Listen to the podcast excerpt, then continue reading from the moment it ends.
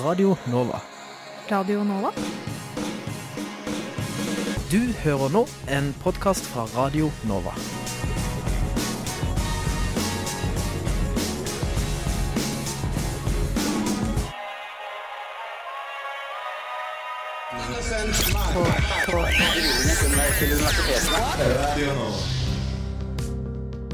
Den nye rektoren ved Høgskolen Kristiania vil ha to universiteter i Oslo. Et offentlig og et privat. Han er her hos oss, og vi skal snakke med han om litt. Studentenes nye bysykler lanseres, og vi er direkte fra Blindern. På mandag foregikk det en demonstrasjon til støtte for eh, Oktoberbarna, og vi var der. Fra 20, eh, sommeren 2018 får eh, Høgskolen Kristiania en ny rektor. Nyvalgt rektor, påtroppende rektor Arne Krumsvik. Du er med oss i dag. Eh, og eh, du har jo eh, eh, uttalt til Krono at du mener at UiO og HiOA burde fusjonere. Hva er, eh, hva er grunnen til eh, det? Jeg kan like gjerne stille spørsmål eh, motsatt vei. Altså, Hva er grunnen til at det offentlige ønsker å ha to universitet i én by? Så jeg tror at når, eh, når det nå er klart at eh, HiOA blir universitet, så er det på høy tid å ta den eh, diskusjonen litt eh, ordentlig. Eh, Både HiOA og Universitetet i Oslo har jo gått helt fri av den store runden med, med omlegging og sammenslåing som har vært i sektoren den siste tida. Men nå er ikke de freda lenger, altså. Nei. Um, men, men er, det, er det plass til så mange universiteter i, i Oslo, da? Uh, altså hvis, eh, hvis høyskolen skal bli et universitet, og det skal bli et universitet eh, Det blir trangt. Nei, Jeg har spissformulert og sagt at det er plass til i hvert fall to, et privat og et offentlig. Mm. Eh, nå, skal eller, eh, eh, nå har jeg eh, sett mest på dette med mediefag, siden jeg er instituttleder på Institutt for mediekommunikasjon i dag. Og Der er det jo helt åpenbart at eh, det er eh, betydelig overlapp med det som skjer på eh, HiOA, der jeg egentlig er ansatt som professor i journalistikk. Jeg er jo permisjon derfra eh, i dag. Mm. Og jeg tenker at de to miljøene til sammen hadde vært mye sterkere og et mye bedre utgangspunkt for oss å kunne hevde seg internasjonalt, enn at en skal drive og konkurrere i samme byen. Og, så, og sånn er det på flere andre områder også. Så, men det første og fremst er at du nå faktisk da får to offentlige universitet, så, så tror jeg en må ta en alvorsprat om, eh, om det er hensiktsmessig. Mm. Men hva er grunnen til at eh, det er viktig for dere å bli et universitet? Altså, hva, eh, hvorfor er, må alle absolutt bli et universitet? Hva er problemet? Hva er galt med høyskole? Nei, Det er ikke noe galt med å være høgskole, men vi ser at det er endringer i sektoren. Det er større, større og mer robuste enheter den veien det går. Og jeg tenker vel at på sikt så vil vi sannsynligvis ha universitet, og så vil vi ha fagskoler. Slik at den, eh, den situasjonen vi har hatt i Norge nå i mange år med veldig mange små høgskoler rundt omkring på, på hvert et nes, det er nok eh, ikke bærekraftig faglig sett i framtida. Så for å få tyngre fagmiljø, så må en gjøre endringer. Hmm. Um, men eh, men eh, hva slags eh, nå, nå er jo du eh, valgt. Hvorfor eh, skal akkurat du, eh, vil akkurat du bli rektor? Og hva slags bakgrunn er det du har som gjør at du er eh, eh, godt egnet da, til å ta Kristiania inn i denne nye retninga? Nei, altså, Jeg har jo en variert bakgrunn ved at jeg både har jobba mye i eh, næringslivet, i mediebransjen, og i tillegg så har jeg både tatt doktorgrad og kvalifisert meg til å bli professor. Så jeg har på en måte både den akademiske erfaringa og praktisk erfaring både med, med ledelse og med, med å drive butikk. Jeg vokste opp på butikk eh, i Volda bak en sportsbutikk før jeg studerte med- medie i Volda f.eks. Så det er vel eh, det er vel det som gjør at de, eh, de hadde lyst til at jeg skulle ta den rolla. Og det, det, det er det samme som gjør at jeg syns den er veldig interessant. Også når noen spør deg om du har lyst til å bygge et nytt universitet, så er det vanskelig å si at det er uinteressant, altså. Mm. Men du sier jo selv eh, at du har denne medieerfaringa i det praktiske. Er det ikke litt sånn at høyskoler ofte er mye mer praktisk retta enn det universitetet er? Jo da, sånn har det vært. Men det er klart eh, på Universitetet i Oslo så er det jo nå veldig mye arbeid, veldig mange plasser som handler om å bli mer eh, å, hjelpe studentene å bli mer eh, få en mer yrkesrelevant utdanning. Så du kan si at mens høgskolene som har vært veldig praktiske, nå blir mer akademiske, så har de akademiske institusjonene nå jobba veldig sterkt for, å- for å bli mer praktiske. Så en, eh, her er det på en måte en bevegelse her da, fra begge sider. Og jeg opplevde jo at eh, det er akkurat samme hovedutfordringene for begge typer institusjoner. At en har lyst til å forske og, og bidra til å løse store samfunnsproblem. Og så har en lyst til å gi studentene relevant utdannelse. Og det er klart eh, det som, eh, som jeg må passe på når jeg skal begynne på Kristiania, er å ikke ødelegge den utrolig eh, nære koblinga til arbeidslivet som den institusjonen har. eh, Samtidig som, vi skal eh, hevde oss eh, akademisk i større grad enn i dag. Mm. Men hvordan eh, kommer det til å eh, Hva kommer til å bli bedre med skolene, da, og ikke minst for eh, studentene, i den eh, tida framover? Altså det som er Fordelen med sterkere fagmiljø, er at du får bedre forskningsbasert eh, utdanning. Altså du, får, du får undervisere som eh, henger med på det siste nye innenfor forskningsfeltet. eh, og forhåpentligvis samtidig klarer å kombinere det med å være godt oppdatert på det som skjer i arbeidslivet. Så det er en, en annen måte å tenke og jobbe på enn kanskje har gjort tradisjonelt, men eh, det er den veien det går. Mm. Ellers så lurer jeg på, du er jo, som du sier, mediemann.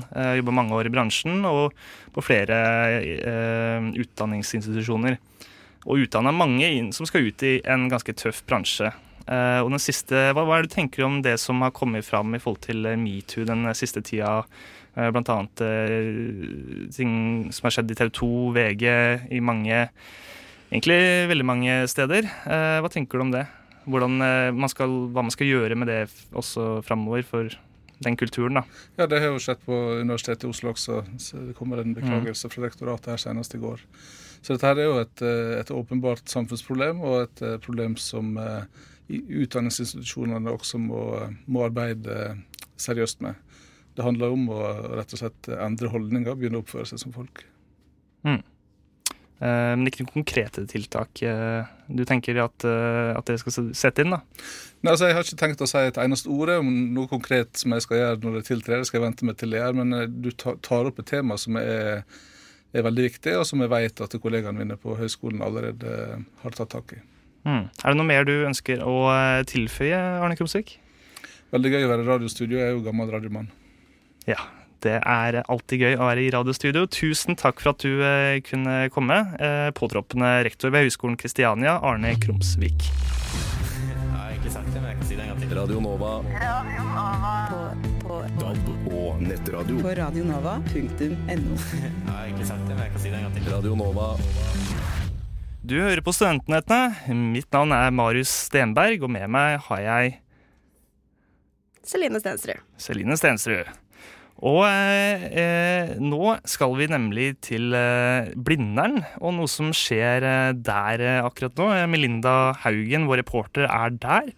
Og jeg hører noe nyss om eh, noen nye sykler. Ja, det stemmer. For, fortell, hva, hva slags sykler er, er det som, som skal komme? Du, Det er en form for bysykler, men til motsetning fra bysykler så blir det litt mer fleksibelt. Eh, fordi det er ikke, det er ikke tilknytta til disse type stasjoner, parkeringsstasjonene. Men eh, jeg kan fortelle litt mer om det etterpå, for nå står vi her sammen med miljøsjefen på U, og han venter på å si noen ord til den forsamlinga som står her. Kanskje du kan høre litt hva han har å si? Ja, klart. Velkommen til lanseringen av O-Bike bysykler. På Universitetet i Oslo så er vi jo opptatt av å hele veien jobbe for at eh, studenter og ansatte skal ha gode transportmuligheter til og fra campus. Og da er eh, sykkel en del av løsningen. Vi har jo allerede samarbeid med Oslo Bysykkel. Nå er vi spent på når det nå kommer en ny aktør, O-Bike, som tilbyr en helt annen og kompletterende løsning. En innovativ løsning der du finner sykkelen direkte på en app der den måtte stå. Så nå er vi spent på å ta det i bruk. Selv om det er sent på året, så er det ennå noen dager innimellom der vi kan bruke syklene. Så vi er glad for å kunne lansere en eh, kompletterende bysykkelløsning i dag. Hva er forskjellen på denne sykkelen og andre sykler? Eh, Du, Da skal vi ta oss og stille det spørsmålet videre til eh, Jens, som er leder her ved studentparlamentet på UiO. Eh, Hva er forskjellen kan du si det kort, på O-bike og vanlige bysykler? Forskjellen er at dette her er langt mer fleksibelt. Du slipper å lete etter et stativ. Syklene står spredt rundt der folk har parkert dem, og så kan du bare bruke dem. Det gjør det også mye lettere å bruke dem inne på campus, fordi du slipper å måtte dra til disse stativene. Du kan bare parkere de rett utenfor forelesningssalen, og det er kult. Det er veldig kult. Det er også veldig kult at uh, Universitetet i Oslo er første ut i Norge som får lov til å være med og teste denne løsninga. Hva betyr det for universitetet? Dette spesifikt, hva det spesifikt betyr for universitetet, er jo ikke sikkert. Men det er klart at universitetet skal eh, være fremtidsretta. Og det er jo de som skal stå liksom for Norges fremtid. Og da er det et naturlig sted å starte når man skal teste nye produkter. Det er smarte, innovative og løsningsorienterte mennesker her som fort kan finne ut av eh, hvordan man skal bruke dette her. Så vi testa det litt, og så skal vi se, da. Men jeg er veldig glad for at vi har fått en dobling av bysykler på campus. Nå har det vært mye tomme stativer gjennom sommeren, og satser på at dette her blir et saftig bidrag. Ja, Har du tatt en sykkeltur ennå? Eh, nei, jeg står med hjelm i hånda, så jeg tenkte jeg skulle få sykla litt av runde etter hvert. Eh, de ser jo veldig freshe ut, så jeg er spent på å se om de funker godt. Det satser vi på at de gjør. Tusen takk. Og det gjør de. Syklene ser veldig freshe ut. De er grå og neongule. Veldig, ser veldig fancy ut. Jøss. Eh, ja da. Det, var, eh, det, var, det, det var en ganske heftig farge, hørtes det ut som. Er det noen som Det ser, ser veldig classy ut, altså. Classy. Ok, ja, men det er godt. Det er viktig at man ser litt elegant ut eh, Ja, når man sykler rundt. Absolutt. Nå er Jens ute på første runden sin her. Oi, Altså. oi. Tar seg en liten tur rundt over hellene på Fredrikplassen. Eh, men nå står jeg også ved siden av Anne Beth, som er eh, representant her for Europa. Eh, Anne Beth, can you tell me a bit about what O-Bike is? Yes, of course. So um, we're a dockless bike sharing operator. So um, we're a very flexible um, bike sharing model. So you basically find the um, bike on um, your app. Um, when you locate it, you can reserve it up to 10 minutes. Um, then you unlock your bike um, by um, scanning a QR code, cycle anywhere you like, and then just leave the bike there in any public um, parking space. I mean, the idea about O-Bike is that um, we want to sort of provide an alternative mode of transport to cities and towns, which is a bit more green, which is healthy, and it's really flexible. So that's why we're also launching here at the University of Oslo, because it's great for students. Yeah, it is. Uh, how big is O-Bike now in Europe? Um, in Europe, um, we're I think in about 10 countries. We're in um, 19 countries already worldwide, even though we've launched in January 2017. So um, we've had a quite a big growth um, happening um, worldwide. We're in almost 40 cities now. Um, so we've been growing really fast, um, but we're still pretty much in startup mode as a company. yeah, well, good luck with that. Thank you very much. Yeah, it's um, it's definitely challenging at times, but an event like this is really great, um, and we really hope that you know the students here at the University of Oslo will will enjoy the bikes and. Uh, you know they'll, they'll enjoy the pilot um, as running out, and it's not getting too cold for them to get on. yeah, hopefully not. We're used to the cold, so. I know, yes. Um, yeah, and I think, um, I mean, it's great to um, to have the bikes here on the campus, and it also allows people to cycle outside of the campus. And we'll be working with a local um, logistics operator that will track the bikes. And so if we see if any of the bikes are not used and they're outside the campus, we bring them back in. And so it's like a it's a great redistribution system. Um, so hopefully we always have the bikes there where um, where people need them to be picked up. Thank you. Ja, da er det altså sånn at Man laster ned appen O-Bike, og så ser man der hvor det er ledige sykler. Så kan man plukke opp de hvor som helst hvor det er ledig. og Det kan være hvor som helst i byen. Det er altså ikke disse stativene sånn som, eh, sånn som bysykkel er. Men har Jens eh, tatt runden sin ennå, eller? Jens er eh, fortsatt oppå sykkelen.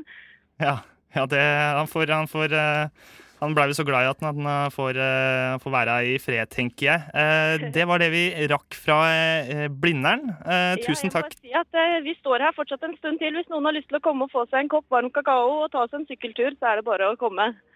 Det høres veldig hyggelig ut. Tusen takk til reporter Melinda Haugen fra, direkte fra Blindern. Du hører på Studentnyhetene. Under flyktningkrisen i 2015 kom over 5000 enslige mindreårige asylsøkere til Norge.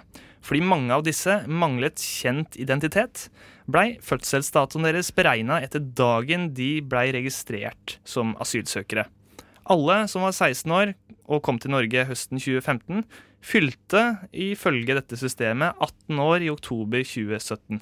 Nå anses de som myndige og har derfor ikke oppholdstillatelse i Norge lenger. På mandag demonstrerte flere tusen mennesker i flere norske byer. I forbindelse med FN-dagen krever demonstrantene umiddelbar stans i utsendingen av oktoberbarna til Afghanistan.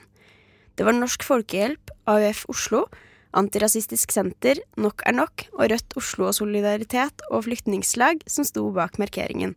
Vår reporter Selma fulgte demonstrasjonen i Oslo.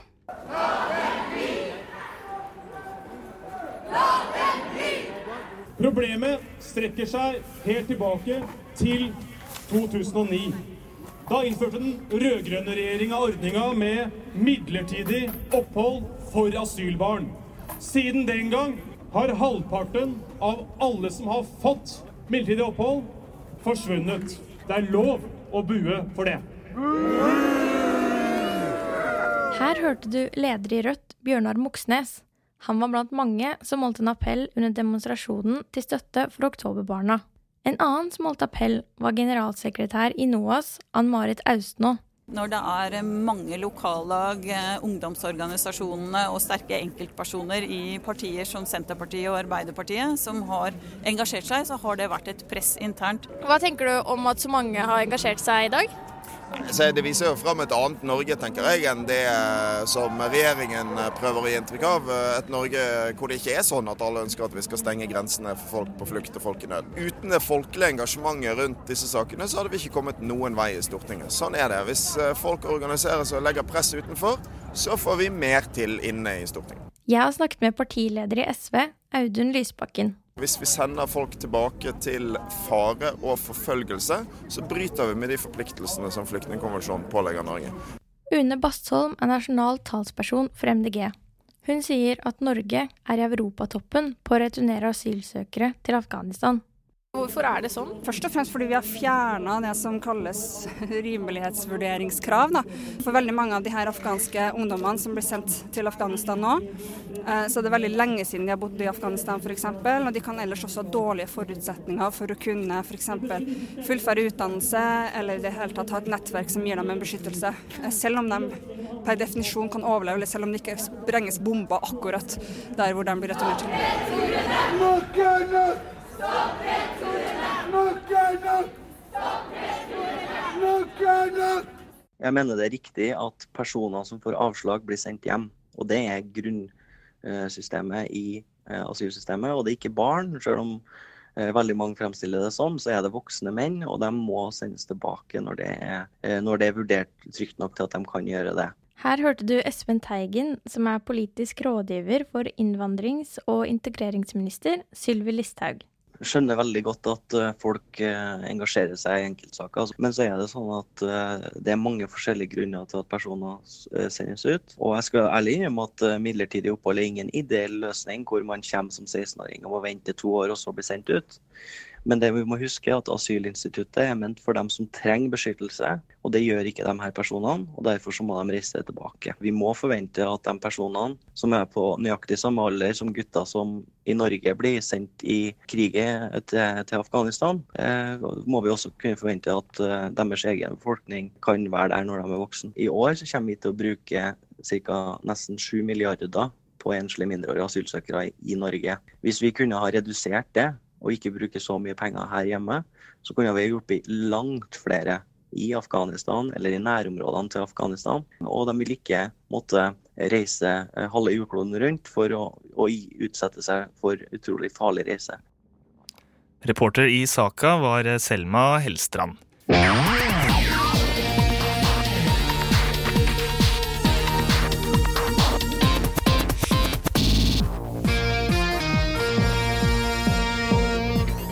Informatikkstudenten som saksøkte UiO for å renvaske seg, tapte i retten.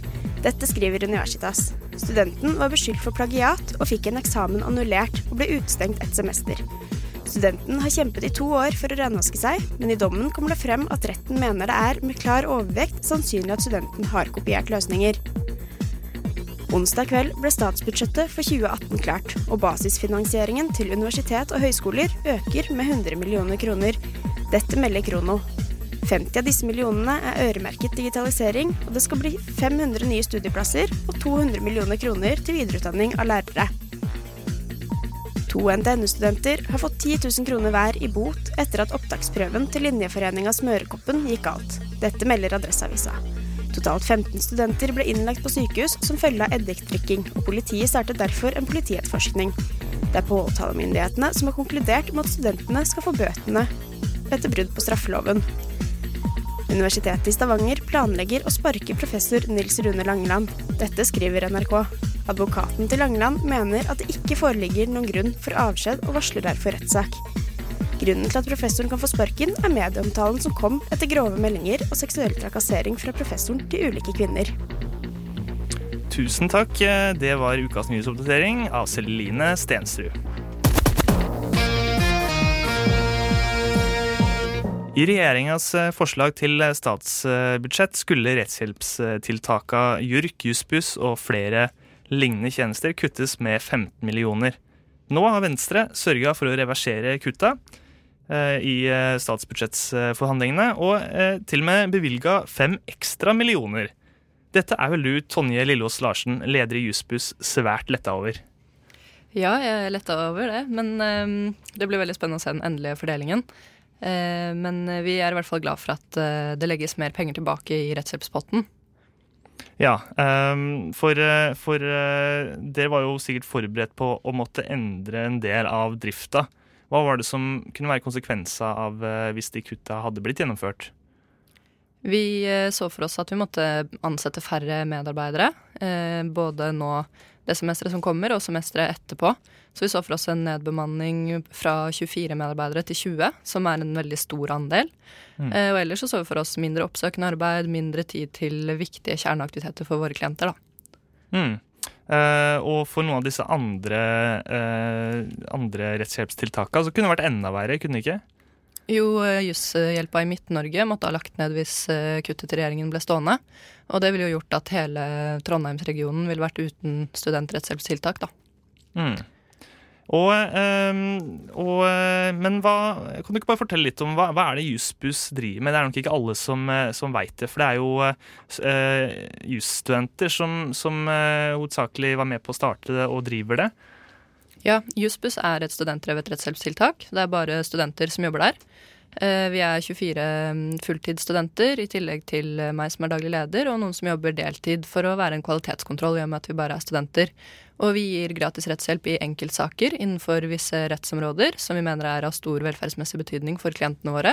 Og i tillegg jobber vi rettspolitisk for å bedre rettstilstanden der vi ser at den ikke er god nok for våre klienter. Mm.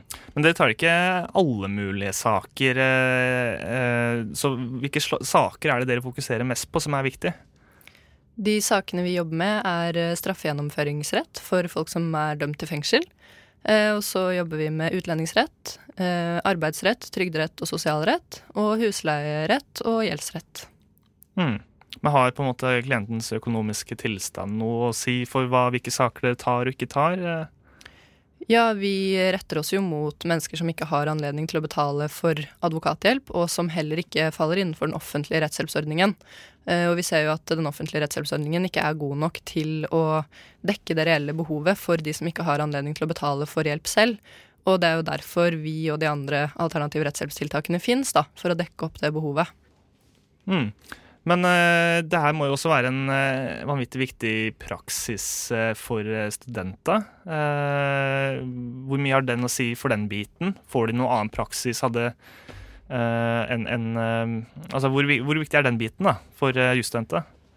For de som jobber i Jussbuss, så er det klart at det er en tid hvor man lærer utrolig mye. Man får praktisk erfaring, man ser jussens rolle i samfunnet på en helt annen måte enn man gjør på studiet. Mm. Og mange skriver f.eks. masteroppgave om et tema de har lært om på Jussbuss, eller peiler seg inn på en retning de kunne tenke seg å gå videre med senere.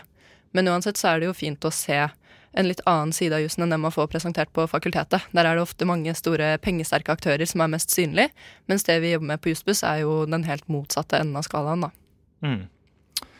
Men eh, vi veit jo ikke ennå liksom, fordelinga, men Venstre er jo Venstres forslag som, som eh, eh, dere velger å legge til grunn, altså som dere regner med å gå gjennom. For det er jo de som har eh, på en måte kjempa gjennom dette her og fått gjennomslag for det.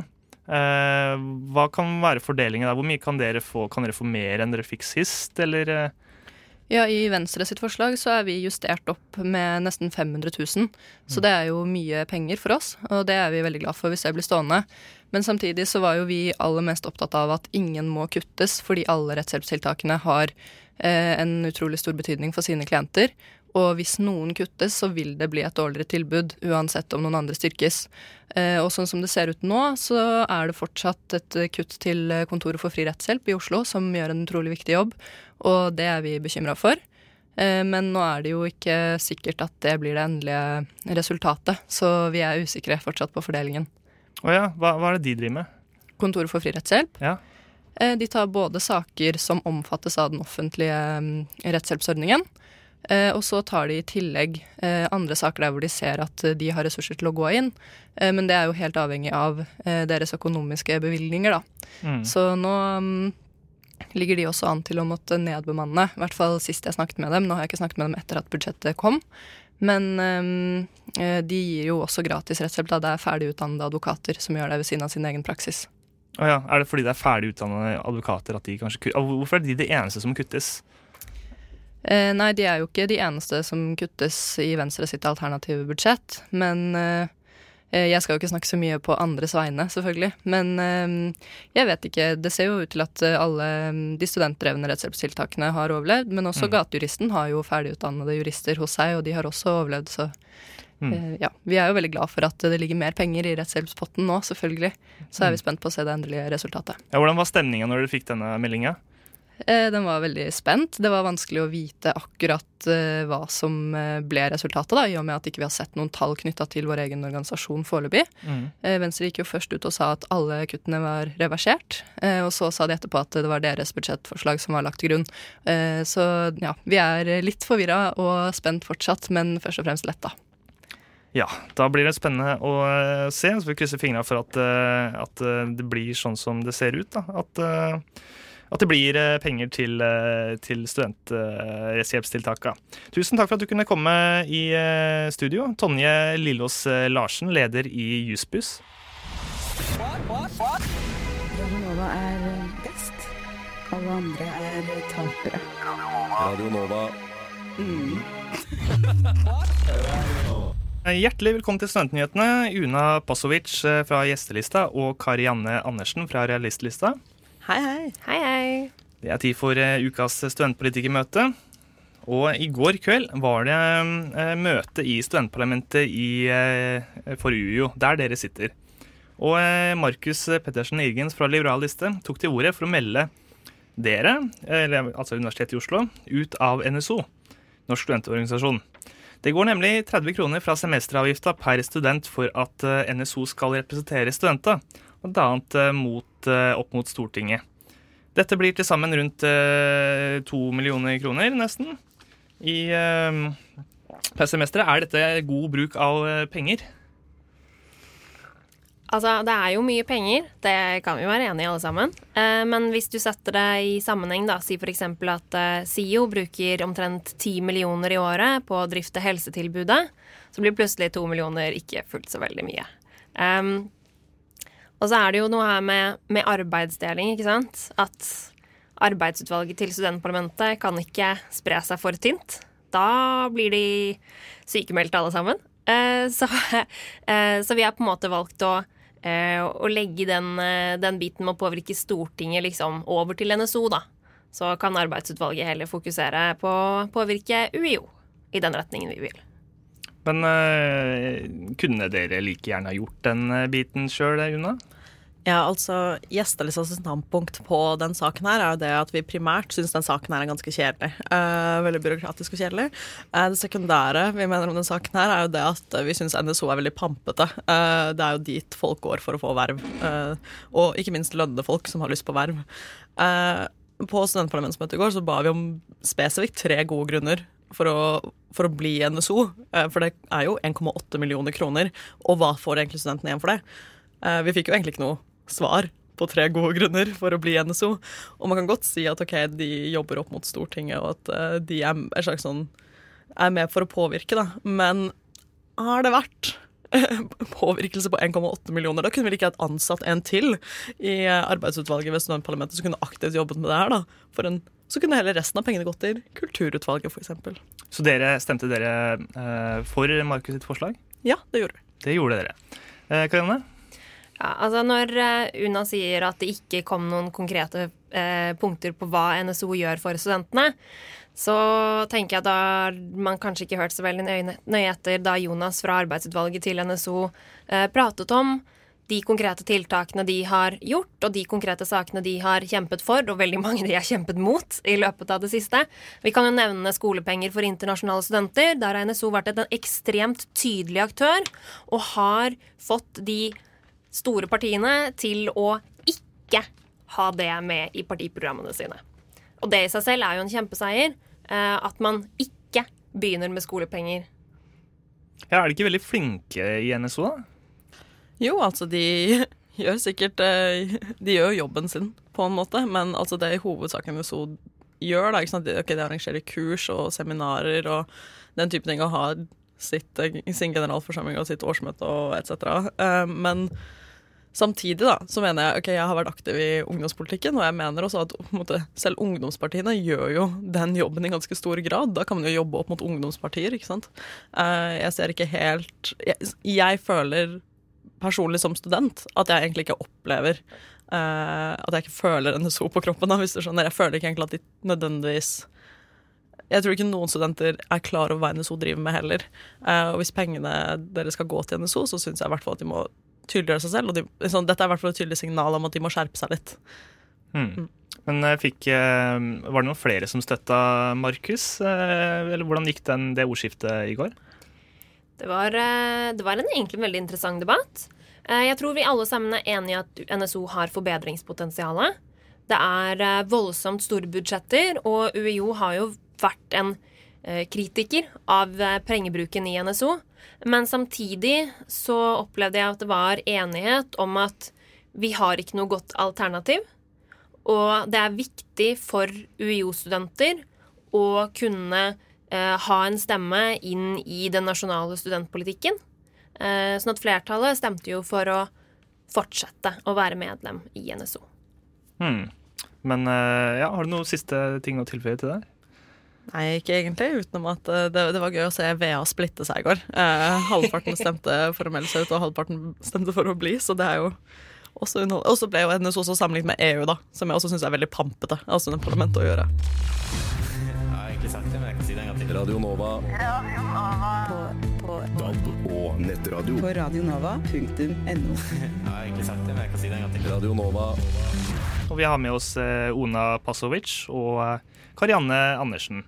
Vi snakka litt om NSO eh, før, um, Una. Eh, det koster nesten to millioner kroner å være med i NSO. Hva er det du kunne brukt de penga på uh, isteden? Nei, det har jo gjestelista selvfølgelig regnet ut på. Og vi har regnet ut at det blir roughly 5000 rødvinskartonger. Uh, som vi heller jo kunne delt ut til studentene før f.eks. X-eksamen. Det tror jeg hadde vært nyttig. Det hadde kanskje økt til med snittet.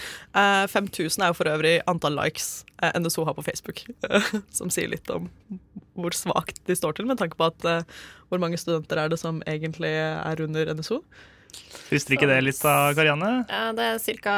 200 000, 260 000. Ja, ish. Ja. Mm. Mm. Mm. Jeg tenker de rødvinskartongene kan komme bedre til nytte. da. Mm. Det, jeg, kan, jeg kan skjønne tanken. Det er godt med rødvin.